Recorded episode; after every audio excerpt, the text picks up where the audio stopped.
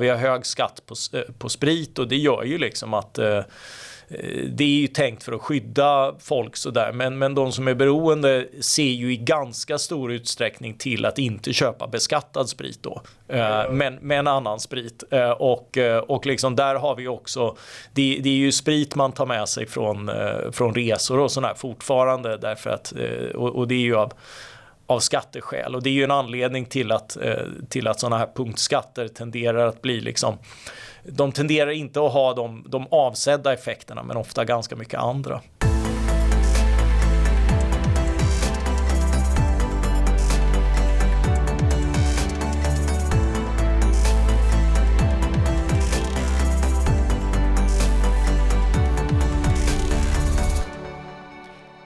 Karlskronasonen Mattias Svensson är ledarskribent på Svenska Dagbladet och har tidigare arbetat på Dagens Nyheter, Timbro, Moderaterna och samhällsmagasinet Neo. Mattias har också skrivit böckerna Miljöpolitik för Moderaterna, Glädjedödarna och Så roligt ska vi inte ha det och har hela sin karriär engagerat sig för frihet och mot förmynderi. Varmt välkommen till Uppskattat Mattias. Tack så mycket. Varför har du engagerat dig så mycket i de här eh, frågor om förmynderi och eh, liksom regleringar mot människors trivsel och levnad? Ja, det är ju lite grann eh, sånt jag är född och uppvuxen med. Jag är ju resultatet av att en 30-årig diskoteksägare träffar en 16-årig diskoteksbesökare och anledningen till att eh, hon kunde komma in på pappas disco eh, var på grund av att eh, det var mellanölstider. Eh, och det, då var åldersgränsen ett tag 16 år. Så hade det inte varit för mellanölet så hade jag inte funnits. Och det gör ju att jag är uppvuxen med en massa berättelser från Eh, liksom diskoteksägarsynpunkt och från synpunkten att människor har velat att, att folk ska kunna ha kul och eh, de beskrivs ju ofta på ett annat sätt av akademiker, av, av liksom politiker i politiska sammanhang. Eh, när eh, en, en, ett referensverk som heter Från krog till krog för några år sedan eh, skulle söka på eh, akademiska uppslag i Lunds universitetsbibliotek så hittar de det mesta om restaurangliv på övriga samhällsproblem. och, och, det har ju varit perspektivet och, eh, och eftersom jag inte blev festfixare utan var lite töntig och boklig av mig eh, så har jag istället skrivit böcker om, eh, om sånt här. Så jag, jag, tycker att det finns, det finns en fascination i de här reglerna och i hur de här världarna krockar kring liksom Alltså du kan mäta en massa farlighet och risker och sånt där. Men eh, folk som faktiskt deltar i de här aktiviteterna noterar att det är, det är människor som roar sig och har kul. Mm. Ja, för det pratades länge om, om dansbandseländet och det är du alltså en produkt av. Uh, ja, alltså dansbaneeländet. Dansbane, ja, eller förlåt. det är klart, det var närmare dansbandseländet eftersom, eftersom man befarade att dansbanden skulle konkurreras ut av den mekaniska diskomusiken där i, i mötet 70-80-tal. Uh, men farfar var väl mer den som genom festvåningar och annat råkade ut för, för dansbaneeländet. Att när man på 30 och 40-talet skapade en moralpanik om att det värsta värsta som kunde hända det var att ungdomar dansade. Ja, det kan vara eh, förfärligt. och, och, och, det är ju, det är ju liksom en, eh, en historik jag har gått tillbaka till i min bok mm. Glädjedödarna som, som är exempel på liksom hur, hur stora samhällskrafter kan fullkomligt på allvar mobilisera mot ganska perifera saker och ofta involverar människor som har roligt. Mm. Ja, och där, apropå dansband så var ju det, det var en sån här sak som jag lärde mig och, och tror jag av dig att de här eh, fantasifulla dansbandskostymerna är ett resultat av svensk skattelagstiftning. Va? Oh ja, oh ja. Det, det är ju alltså så att eh, för att få dra av i deklarationen eh, så, så var det tvunget att eh, kostymerna var av fantasikaraktär.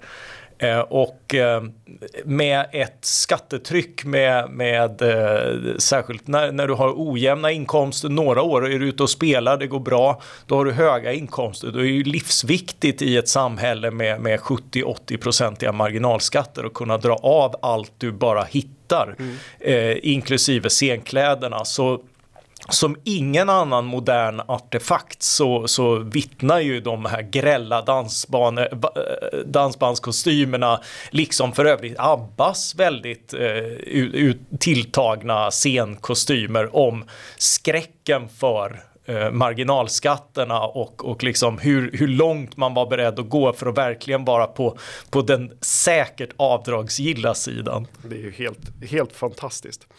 Eh, vi har ju en rad regleringar och så här som du går igenom, framförallt i böckerna då, så roligt ska vi inte ha det och, och eh, glädjedödarna som handlar den första då primärt om eh, alkohollagstiftning eh, och den senare om allt som är, är roligt och har försökt regleras. Men där kommer det också in en del på, på alkohol. Det finns ju en, en rad eh, märkliga eh, och udda företeelser som vi har genomlevt. Jag tänkte vi skulle prata om några om det. En är den här motboken som, som åtminstone våra yngre lyssnare inte har någon särskild koppling till antar jag. Men vad var det för någonting? Eh, ja, det var ju en, eh, en alkoholreglering. Du fick alltså en personlig ranson eh, och den varierade med kön och klass.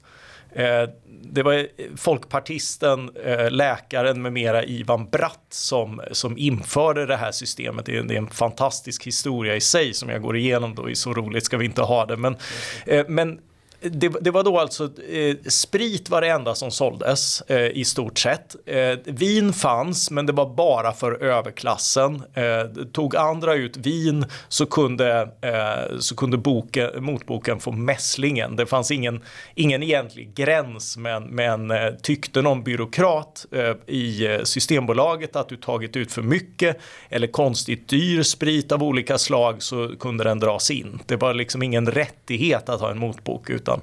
Och det, och det gjordes skönsmässigt då? Att man oh ja, oh ja. Eh, och, och det, är ju, det är ju liksom där man bygger upp en liksom självsvåldig spritbyråkrati som eh, han, han var ju, Bratt var ju en man i tiden och, och stärkt av Uppsala skolan att människor har inga rättigheter utan, utan det är en förnuftig överhet av, av läkare och, och socialt medvetna folkpartister som, som ska utforma politiken till, för, för människors fromma.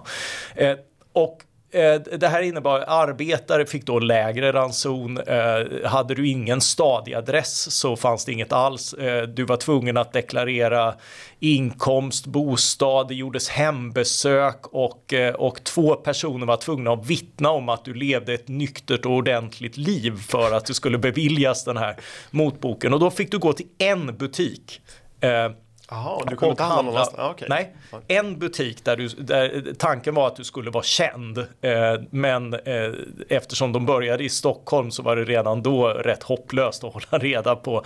Men, men en butik kunde du handla i och, eh, och där eh, eh, kunde du då hämta ut framförallt sprit. Eh, och, och det gjorde ju liksom att var, var, det här var nästan alla systembutiker var liksom utformade för att vara extremt glädjelösa. Det, det har liknats eh, av Susanne Sontag även senare vid liksom en, en blandning av begravningsbyrå och abortklinik. jag minns det själv när jag gick på med, med mina föräldrar på Systembolaget ja. i Flen som jag kommer ifrån. Det var ju Eh, verkligen eh, öststatsdoftande. Man stod i långa köer och stod vid en kassa. Man fick inte självplock fanns ju inte då, utan man fick personalen gick och hämtade saker liksom inne på lagret och ställde fram ja, på disken. Och, och det var ändå ingenting mot motboken när det liksom låg på bakgator. Det var liksom skamligt, ja, det var fult. Eh, du skulle helst inte ses gå in där och sådär liksom. Så, och, och just det påbra utbudet. Det fanns bara sprit. Eh, fanns vin för överklassen. Det fanns ju några, det fanns ett systembolag vid, eh, vid, vid eh, operan ungefär som eh, regeringen och, och, och eh, högt uppsatta. Som i Kreml. Ja, ja men precis, ja. alltså där, dit nomenklaturan gick och den var ju jättefin och där hade de liksom, du kunde få vinerna lagrade där och, och det var liksom direktören kom ut och, och eh, Vin och Sprit som ju då också var ett fantastiskt monopol liksom skickade ju ut vinrekommendationer efter graderad klass 1, 2 och 3 i, i liksom byråkratin för, för högst uppsatta Eh, i, i näringsliv och, och stat eh, som sen liksom satt korporativt och myste i styrelsen för det här och åkte på vinresor och sånt där. Eh, så, så den svenska spritbyråkratin eh, är ju fantastisk liksom i, alltså det var ju liksom verkligen en, eh, en, en öststatslösning inklusive liksom spioneri och godtycke och allting. Det var bara det att i Sverige reglerade man sprit istället för, för åsikter och, och politiska uppfattningar. Och det får, det får väl ändå sägas vara bättre än om det var dåligt. Oh ja, oh ja. Eh, precis så. Vi ska vara glada att, att, att, de, att, att de, de ägnade sig åt spriten. Eh, men, men det blev ju liksom verkligen Eh, det, det, är ju ett fantastiskt system att, att gå igenom. Liksom. Och, starköl fick du då köpa på recept på apoteket. Eh, och, och sen de här ransonerna som du köade till var då liksom sprit, brännvin som de flesta eh, drack. Och, och öl fick man då på, på recept? Ja, Ja. Eh, så, så hade du influensa eller svårt att sova eller matsmältningsproblem och annat kunde du få utskrivet. Det var, det var mycket recept kring eh, på porter kring påsk och jul så där. så då grasserade influensan. Ja, jag minns eh, en tidigare vän till mig, hon är död nu, men hon hade varit över hundra idag, så det var inte. Det, det, är inte så märkligt. Men hon berättade att när hon gifte sig så blev hon av med sin motbok, för då förväntades hennes man då kunna hantera det åt henne. Ja, ja, ja, ja, alltså gifta kvinnor ingick i hushållet. Ja. Eh, så de hade ingen motbok. Eh, ogifta kvinnor kunde få en motbok om de var över 25 men, men då liksom med en betydligt lägre ranson. Mm. Ja, det är ju suspekt med kvinnor som, som dricker. Ja, alkosexismen är ju, är ju liksom en, en, ett eget kapitel i min bok mm. om, om alkoholpolitik just för att det och där finns bland annat en, en doktorsavhandling om eh, kvinnor som hörde av sig till eh, och överklagade därför att de blev ju mindre trodda och det var liksom ändå sådana här fullkomligt rimliga eh, krav sådär liksom att var, varför ska inte jag kunna köpa lite, lite sprit till mig jag betalar skatt liksom då, då är vi jämlikar minsann när mm. vi betalar skatter men, mm. men att kunna få köpa lite sprit det får man minsann inte liksom sådär det är en fullt rimlig invändning. Liksom. Och hur, hur bemöttes de? Eh, de avfärdades i betydligt större utsträckning än, än männen. Ja. För, men, men den här eh, alkoholsexismen den har fortsatt långt in i liksom all, eh, det, Systembolagets eh, reklamkampanjer och sånt där. Har oh, oh ja, oh ja det, det går fortfarande ett man, man ser det ju helt enkelt som praktiskt att kvinnor håller på sig och skuldbeläggs och, och sånt där liksom. Så på 2000-talet har vi kunnat se sådana här liksom smått hederskulturella budskap om att din dotter är fortfarande oskuld men om hon dricker av vinflaskan som några langat då liksom så, eh, så, så är det ju hennes fel och inte, ja, inte, ja, killen som mm. Ja och framförallt liksom föreställningen om att det är pappa som ska vakta på sin äh, mognad äh, liksom dotters oskuld liksom. Det det är ju mycket, mycket märkligt. Eh, den här motboken, det fanns ju andra märkliga konsekvenser också där vi eh, som resulterade bland annat vi hade statliga restauranger hur gick det där till? Eh, ja, det var ju en samtida reglering av, eh, av, av restauranglivet där man då ransonerade, eh, för du kunde gå på restaurang utan motbok, så där samlades ju liksom eh, klientelet eh, som behövde och de gick då på folkrestauranger som var klass 3 restauranger som drevs av, eh, av, av fem statliga bolag. Eh, eh, och, och man när man utredde det här på 50-talet så kom man på att man hade ingen riktig definition men, men det närmaste man kom en definition var att det fick inte ha för, för liksom upplyftande stämning på de här ställena. Liksom det, man får inte ha för roligt nej, om man ska man, vara full. Man får inte ha roligt liksom.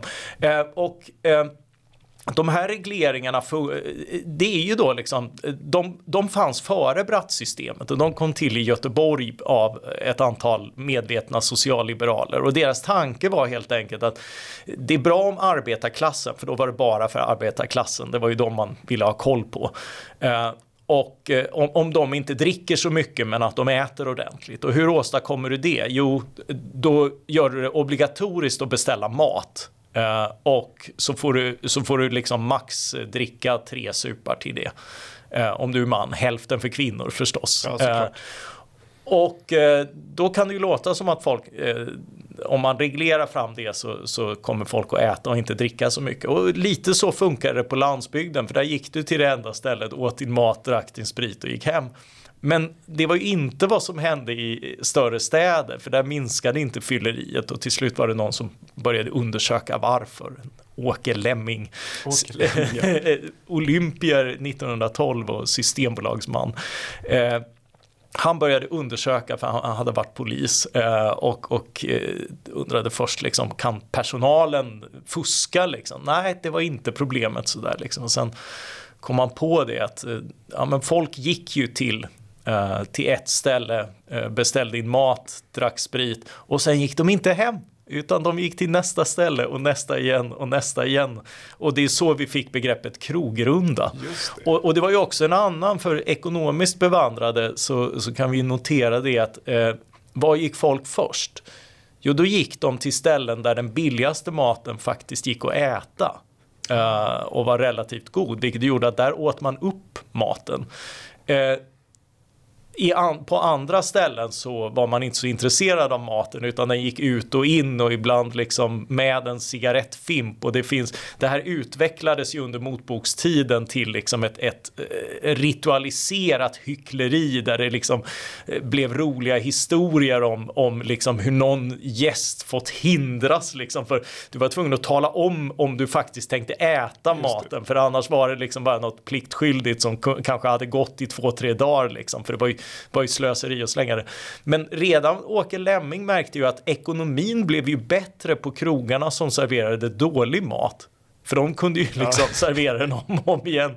Eh, de hade inte lika stor åtgång. Så så det blev alltså en dålig affär att servera bra mat. Så, så det var ju också liksom en, en ekonomisk, även om det mesta var kommunalt så, eh, så tog det ju fullkomligt död på i stort sett allt vad, vad krogkultur och, och liksom restaurangkultur eh, hade att erbjuda. Ja, man kan tänka sig då att de enda som var intresserade av att gå till de här etablissemangen var människor som faktiskt ville supa även om det var riktigt tråkigt. Ja, och, och det var ju liksom, och det blev ju tillhåll för sådana människor, vilket drev bort eh, andra. Och sen eh, fanns det förvisso eh, Eh, eftersom stadsbefolkningen växte eh, men tillstånden inte blev fler så var ju folk samtidigt hänvisade till de här ställena. Så det var ju aldrig så att någon behövde anstränga sig utan du satt ju då på en guldkrog om du hade utskänkningstillstånd därför att du hade alltid kunder så du behövde liksom inte, inte ens de privata alternativen behövde anstränga sig speciellt mycket. Ja just det, du har, du, ja, du, du har en marknad och, den, och, och ingen konkurrens egentligen. Ja, utan... ja och då, och då blir ju alla aktörer, sånt blir ju alla aktörer slöa av. Ja, självklart.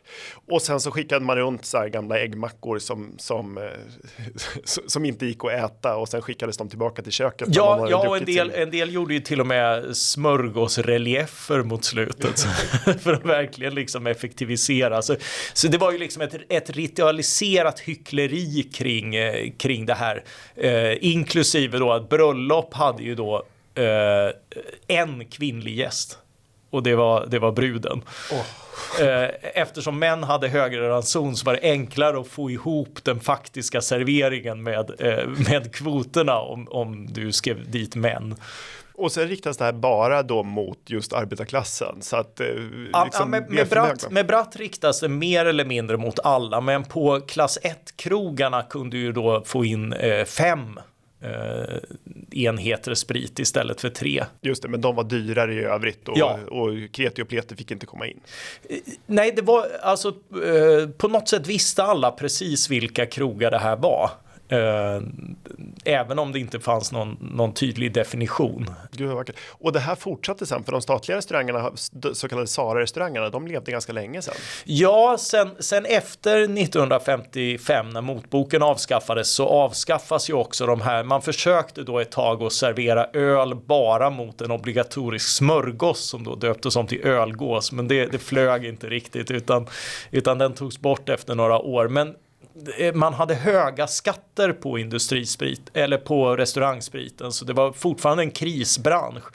Uh, och hur, hur desperata man var visar ju liksom att de, de försökte ju liksom på det glada 60-70-talet där med, med topless-servering och annat uh, för, för alltså statliga, Sta, statliga krogar. Striptease. Ja, uh, för, för att liksom locka folk till restaurangerna men det gick inget bra och till slut blev de eh, sådana här liksom eh, leverantörer av kommunal mat istället och satsade på hotellverksamhet som gick i putten på 80-talet och sånt där. Man kan tänka sig att eh, statlig striptease det låter inte så aptitligt av många olika skäl. Jag kan tänka mig att det, det blir ganska dåligt generellt. Eh, och du, du, nämner i din bok också där det, någon, någon fyllerist i Göteborg som blir gripen med, med tio ägg i, ja, det är i kavajen. Han, det är han Lemming som noterar det. Liksom. Det var ju en, en person som hade varit runt på sådana här tio krogrunder på den tiden eh, när, när liksom den eh, standardiserade billigaste måltiden då kunde utgöras av ett kokt ägg. Senare blev det liksom mer detaljerat inklusive liksom vilka soppor och inte som räknades till, till den den godkända billigaste rätten på menyn.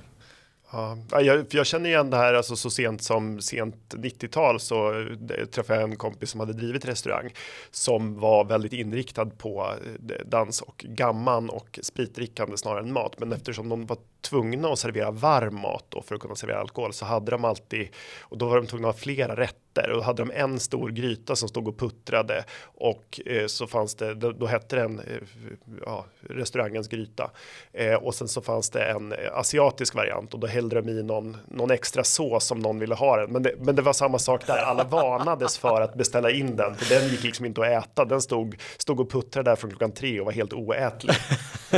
Eh, så det, det, det, finns ju delar kvar. Men idag måste man inte ha, ha varm mat. Va? Idag får väl till och med en, en Nej, det var, det, var ju, det var ju alliansregeringens åtta år vid, vid makten. Till Sverige. Eh, ja, eh, så, så utökades tillstånden även till sushi-restaurang. Så... Men inte till hamburgerrestaurang, eller så här, eh, hamburgerhak i alla fall. Ja, alltså, hur skulle det se ut? Ja. Just det, och så minns, vad heter det, var det tidigare att man fick inte börja dricka vid 12 utan redan vid 11 och det gäller väl fortfarande tror jag. Ja, jo. Ja.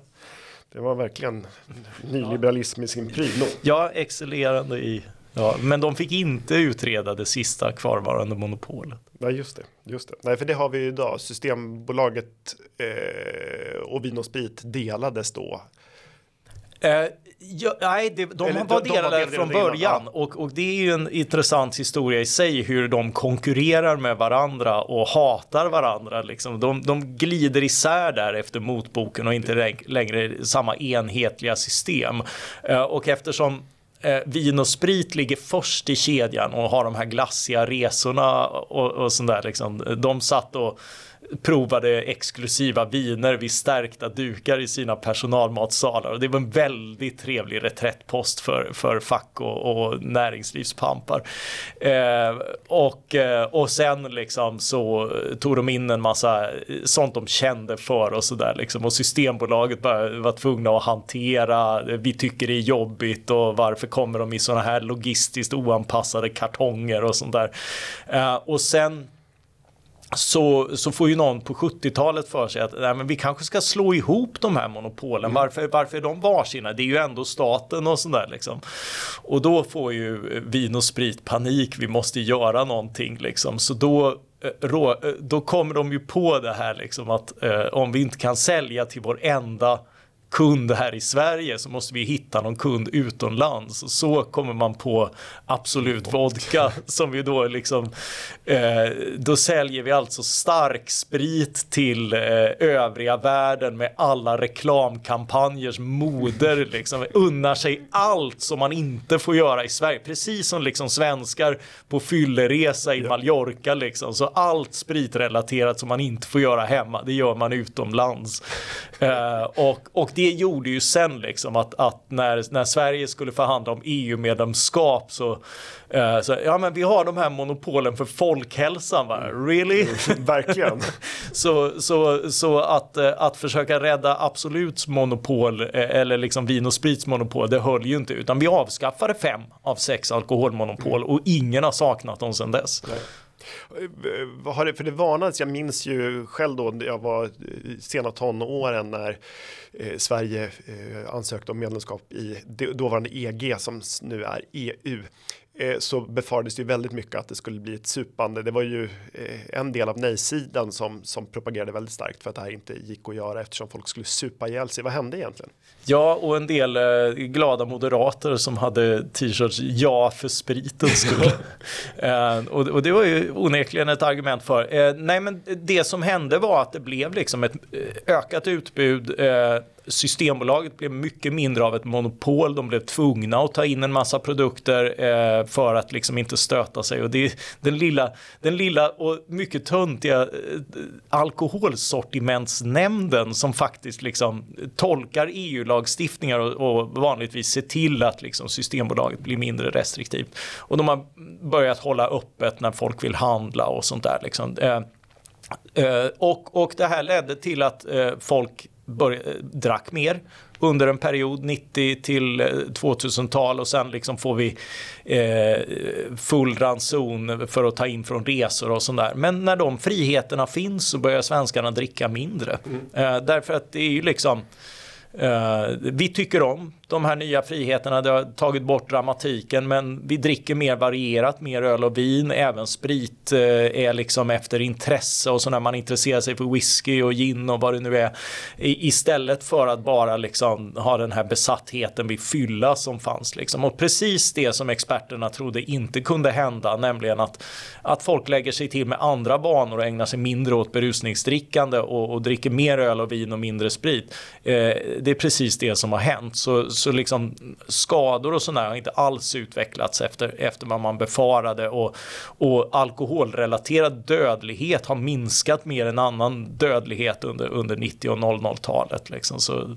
Det är nästan svårt att minnas hur alltså märkligt eller hur mycket märkligare Sverige var förr. Alltså det finns ju mycket man kan protestera mot även idag och jag driver ju en verksamhet som, som ägnar sig åt att propagera mot eller för lägre skatter och så där. Kan man, man kan ju verka gnällig ibland, men det har ju skett en, en, en rad framsteg ändå. Och när man tänker tillbaka, jag tänker på en sån här film som Sällskapsresan till exempel när man tittar tillbaka på den så framstår ju den som liksom absurd i, idag. Det är ju absurt. Alltså, ja, ja och, och, där har vi ju liksom båda plotterna. Där har vi ju svenskarnas båda liksom uh, skräck ja. och, och liksom fascinationer, eh, spriten och skatterna. Ja. För det är ju det man flyr i Sällskapsresan. Det är liksom en eh, små, den fifflande småföretagaren Levander som, som liksom inte kan köpa det han vill för eh, för pengar han har tjänat därför att, eh, och, och, och, som skulle liksom ryka direkt med, med marginalskatterna. Och man fick så, inte föra ut pengar ur Sverige? Va? Nej, nej, det fanns ju också valutareglering och sånt där. Liksom. Men, men det gjorde ju att han, han kunde ju inte köpa den fjällstugan han hade velat köpa ja, egentligen utan, utan han får spekulera i spanska solhus med tipptoppkök eh, eller något annat träslag om man vill. Och, eh, och, och, det är ju en del av plotten eh, och, och, man ska kanske inte ha så mycket sympati för honom men lite, lite ändå liksom. det är ju ändå eh, det är ändå pengar han har tjänat på sin flygterapi och Just annat. eh, och eh, och, och, det är liksom en, en produkt av liksom valutareglering men, men liksom också av marginalskatter precis som liksom dansbandskostymerna. Eh, ja. eh, och, och, det andra är ju spriten att liksom eh, bära och vad, vad Sven Melander och uh, Sven Melander är Berra va, som sitter ja, i rullstolen och ja, så hans... Berra hem Berra. Robban va? Ja, Robban och Berra ja. ja. och, och de, de liksom som går omkring hela för att kunna ta in då ransonen som man hade då före EU-medlemskapet som ju då var antingen eh, en, en liter sprit eller starkvin och en liter vin. Och kunde man då få båda, både även vinet som stark sprit, mm. Eh, det är ju det de söker liksom med, med rom upphällt på vinflaskor, då får de ju in två liter. Ja. Uh, och, och, det var ju liksom jackpotten som var värd att jaga runt hela Gran Canaria ihop med, och liksom, uh, ihop med det här och dricka billig sprit så att det nästan gick ihop. Uh, och sånt där. Ja, det var, och det var ju en besatthet att ta med sig alkohol över gränsen. Jag menar idag när man är ute och reser så, så är det klart att folk handlar en flaska vin eller sprit på flygplatsen. Men den här besattheten som var på 80-talet som jag till och med minns och 90-talet.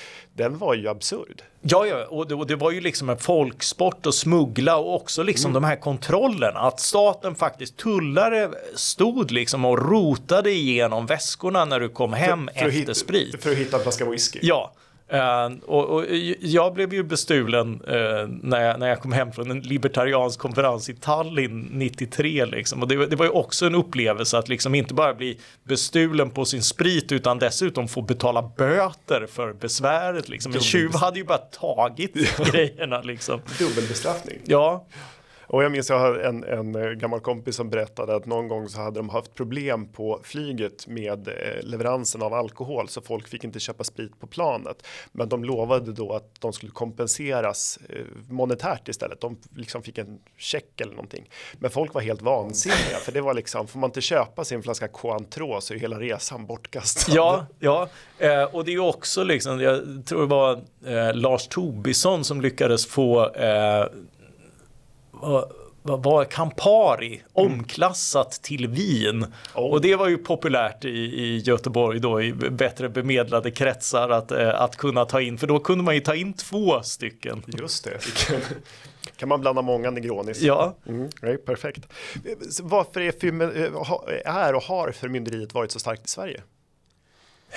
Ja, det, det, är ju en väldigt, alltså dels har det ju funnits i många länder, alltså i olika varianter. Eh, alltså Norge och Finland förbjöd ju alkohol och, eh, och motboken var ju ett sätt att undvika förbud i Sverige, vilket vi gjorde ganska knappt. Och USA har ju liksom också eh, ganska mycket panik kring eh, kring liksom alkohol och sådär med nykterhetsrörelse. Eh, även, även i England var de starka men inte lika starka. Eh, Danmark råkade under första världskriget eh, när de flesta regleringar införs. De la istället en hög skatt på sprit och fick så goda effekter av det eh, att de blev ett öland istället. så, så tog, tog lite mer daily. Ja.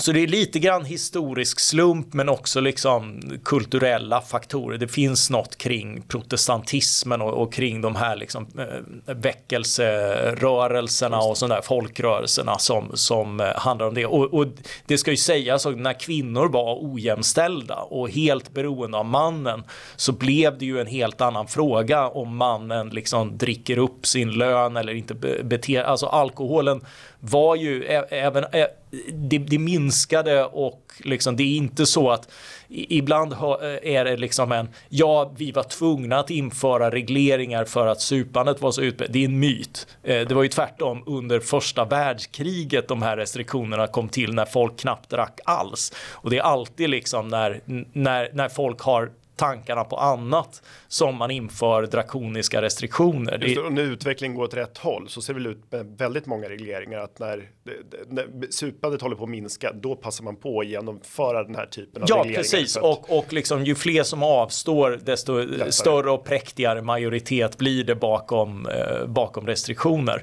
Eh, men, men det fanns ju liksom riktiga sociala problem som mm. gjorde och, och eh, nykterhetsrörelsen har åstadkommit mycket elände men jag menar de, de var den tidiga rörelsen för att ta kvinnors röst på allvar i just den här frågan och, och, och kvinnor var jämställda en person en röst där långt innan eh, den formella demokratin. Så man ska inte skylla på nykterhetsrörelsen utan på folkpartister?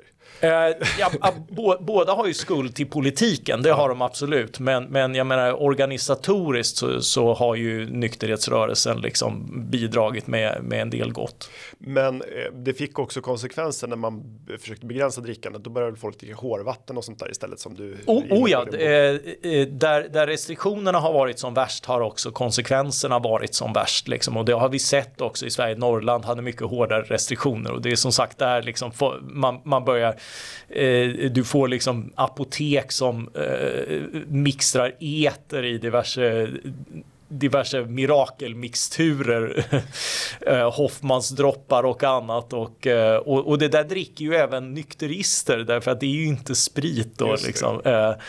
Och, eh, och det har ju mycket värre konsekvenser. Och sen eh, under motboksperioden så får de då ransonera hårvatten och annat därför att, eh, därför att tillgången på sprit är så begränsad. För i desperation satte folk i sig även, även det alltså? Ja, så du har ju och, och sen har du ju liksom ett antal effekter av skatter. Vi har ju liksom det här fortfarande idag. Vi har hög skatt på, på sprit och det gör ju liksom att det är ju tänkt för att skydda folk sådär, men, men de som är beroende ser ju i ganska stor utsträckning till att inte köpa beskattad sprit då, ja, ja. Eh, men med en annan sprit. Eh, och, och liksom där har vi också, det, det, är ju sprit man tar med sig från, från resor och sådär fortfarande därför att, och, och det är ju av av skatteskäl och det är ju en anledning till att, till att sådana här punktskatter tenderar att bli liksom de tenderar inte att ha de, de avsedda effekterna men ofta ganska mycket andra.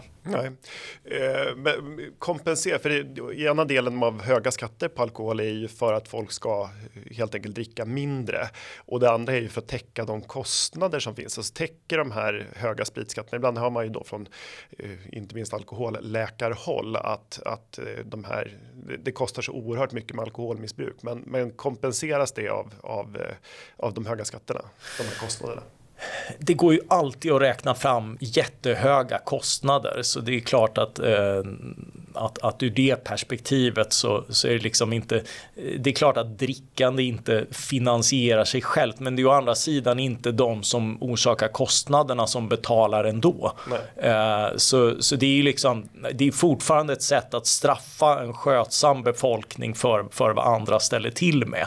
Eh, så precis som andra restriktioner så handlar det om att liksom restriktionerna läggs på en skötsam problemfri befolkning för, för att liksom annat. Så, eh, så, det, så det blir lite grann att lura sig själv att tro att man ska liksom högbeskatta till någon form av rättvisa i detta, för det gör man inte. Och, och liksom de som dricker handsprit blandat med Fanta kommer ändå få stora alkoholskador och de går inte att komma åt. Nej, nej, men precis. Det är ju också det liksom att, eh, att har du hårda restriktioner så, så dras folk till annat liksom. Och då räknas det då inte som alkoholrelaterat problem längre. Right. För det var ju, det var ju liksom eter eller något annat elände liksom. Självklart. Eh, men, men det är ju det där med skatter att eh, punktskatter för att uppfostra folk eh, är ju liksom antingen något irriterande som inte har så stor effekt men, men som mest liksom ger intäkter till staten om, om, om de är låga. Och om de är höga så har de ungefär samma effekt som alkoholförbud, nämligen att vi får liksom en smuggling och, och organiserad brottslighet kring, kring det hela. Vi, vi hade ju en, eh, ett, ett fantastiskt exempel i när Thomas Östros höjde tobaksskatten ordentligt 1997 och vi fick liksom smuggelkedjorna till Jugoslavien etablerades liksom.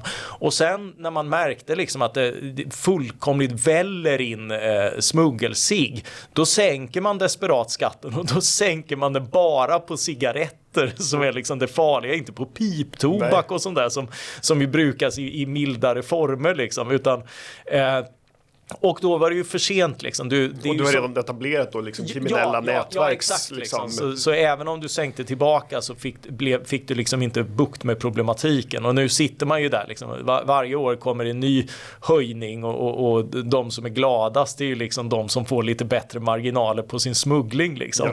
Ja. Eh, och eh, och det där, det där är ju eh, intressant för det ser man ju, eh, det finns ett otroligt intressant exempel i Danmark som har höga godisskatter. Just eh, så du har 40% ungefär av en dansk chokladkaka är, eh, är skatt och du ser exakt samma konsekvenser som, som för annat. Liksom. Du har danskar handlar godis, i stort sett alla danskar handlar godis när de åker utomlands, precis som svenskar handlar sprit. Eh, och eh, det är över 80 procent och du har också ett nätverk av, av eh, godisbutiker som säljer misstänkt billigt godis. Och det är bland annat smuggelgodis från Sverige och eh, nackdelen är ju då att det kan vara utgånget, det kan vara felmärkt så att allergiker inte får rätt information och sådär. Så det blir också liksom på sitt sätt farligare och sämre och framförallt liksom så är det pengar till en, en, en organiserad brottslighet. Så du har alltså fått liksom en, en, en svart marknad för lakrits gratispengar. Mm, oh, inte så bra helt enkelt. men det pratas ju ofta, för det är ju en, en skatt som ofta kommer upp nu i debatten nu, mm. är ju just sockerskatt och inte minst då på, på läsk. Ja, och, och, det är ju talande liksom just att det ofta handlar om någon sån här moralisk grej som någon förfasar sig över. Så det handlar mer om en produkt än, än liksom om ett spann. Och, och det har ju också liksom sina olika nackdelar. Lägger du den på läsk, ja då lägger staten ofta skatten på all läsk så även liksom så här sockerfria alternativ och sånt där får lika hög så får du så får du knappt någon effekt av det liksom. Eller så och sen är det ju det ja, hindrar du folk från att, äh, från att köpa läsk, vilket inte är säkert att du gör, för du har redan ganska olika betalningsvilja för läsk. Alltså den är billig i backarna på, äh, på stormarknaden, men, men dyr när du köper den äh, på, på en arena eller något sånt där. Då har du ganska stora marginaler, men folk dricker ganska mycket läsk i alla fall. Eh, Norge som har en högre läskskatt än Sverige eh, har, har liksom högre konsumtion och sådär. Så, så det är ganska tveksamma effekter och det är liksom, det är sällan som att liksom skillnaden mellan hälsa och ohälsa ligger i en sak. Mm.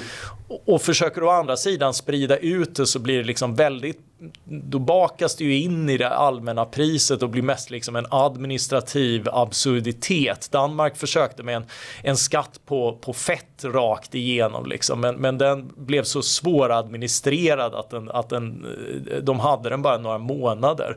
Och, och på andra håll har du, har du liksom Eh, socker generellt, men om det bara är en ingrediens bland många så märks ju inte det så mycket liksom. Och, och, och, du får alla de här gränsdragningsproblematiken liksom. Har du läsk så dricker, beskattar du läsk så dricker folk saft. Eller, eller starkvaror för den delen. En, en lobbyist för att inte ha läskskatter var faktiskt nykterhetsföreningarna Aha. i Sverige för, för liksom då dricker folk mer sprit istället. Eh, och man har sett i några studier att ölkonsumtion går upp när, när läskkonsumtion går ner. Liksom. Ja. Och hur borde, borde man ägna sig åt den här typen av folkhälsopolitik alls då? Det finns ganska svaga argument för det, för det är ju liksom att, att lägga sig i folks liv och, och i de allra flesta fall så tar du bara ifrån folk deras förstahandsalternativ, vad de faktiskt hade tyckt var, var godast. Så, så istället för eh, choklad, eh, kexchoklad så köper du chokladkex om, om, mm. det, om det liksom blir godis. Uh, och uh, det, det är liksom eh, då, då, får du folk att ha det sämre och det kan ju inte ibland kan det vara så att folk kompenserar för det rent av att, att man liksom det har man ju märkt med vissa lättprodukter och sådär att de, de har en annan mättnadsnivå. Du blir inte riktigt tillfredsställd av något som bara är nästan och så mular du i dig mer istället. Uh, och och sådär. Så det, det, du har du har kanske vissa effekter men den största effekten är liksom att, eh, att plånboken Gröps ur och inte, ja, och inte exakt, minst för exakt, de som har det, det, som blir, det som blir smalare är plånboken liksom. Ja. och, och, det, det, det, liksom, det funkar ju inte. Ska du lägga om och äta liksom som jag själv har behövt göra liksom sådär. Det, det är ju inte en produkt och det är ju inte sån här Eh, alltså att, att du skippar någonting utan att tänka på det utan det är ju tvärtom att tänka på vad man äter och planera om och lära sig att äta annat och, och den, den effekten har du ju svårt att uppnå hur omfattande skatter du än har på vissa produkter. Nej, och det måste väl nästan komma från individen själv. Det är väl svårt Precis. att liksom centralplanera fram välmående hos människor på med den här typen av trubbiga verktyg. Ja, eh, Lena Andersson har en bra essä nu ute på Kristoffer eh, Fjellners nya tankesmedja eh, om, om just det här att liksom du, du kan flytta godis, det, är klart att godiset står vid kassan för att fresta fler på marginalen men, men den som är liksom en sann godisrotta vet förstås var godiset finns i alla fall och är, vet liksom är väl medveten om att det finns någonstans i butiken oavsett var liksom och, och precis de som behöver skydda sig liksom de, de som har minst nytta av att du håller på och flyttar och sånt där. Ja. Ja, och det låter ju ungefär som eh, söndagsstängt på Systembolaget. Eh, den som är riktigt desperat hittar ju en lösning i alla fall. Precis så, medan den som hade tänkt sig att ha en picknick eller upptäcka att fotbollen är då, det hade varit trevligt med lite kalla öl som man inte har hemma liksom. Det är ju inte de som är i problemspektrat. Nej, exakt. Ja, mycket intressant. Det finns mycket kvar att, eh, att göra även i denna fråga, men, men eh, och, och, du lär väl återkomma till det här ämnet även framöver misstänker jag? Ja, tyvärr lär man väl, eh, lär man väl få göra det med en del nya, nya exempel på, på liksom Eh, svarta marknader och för annat än godis och annat som, som kommer att uppstå. Det, det är ju intressant ur, ur samhällsperspektiv, men, men staten är ju inte bra på att lära sig och hålla sig inom sina gränser, utan det, när, när de kommer i kontakt med saker som är roliga så tenderar det att gå överstyr. Ja, och sen allt man ser som ett problem är liksom upp till politiken att lösa och även om verktygen är trubbiga så har man liksom upplever man inte att man har några alternativ utan here is a problem we gotta do something. This is something ja. therefore we do it. Ja, men precis och jag går ju igenom i glädjedödarna då liksom alla redskap, alla verktyg som faktiskt finns för att göra någonting. Och, och spoiler, det är inga som funkar speciellt bra. Nej. Och alla har liksom ganska otrevliga sidoeffekter. Och trots detta allvarliga ämne så är båda dina böcker väldigt roliga att läsa och innehåller ju en hel del, ännu fler än de exempel vi har nämnt, mycket bizarra inslag som är eh, väldigt intressanta och roliga och ibland nedslående anekdoter och, och exempel.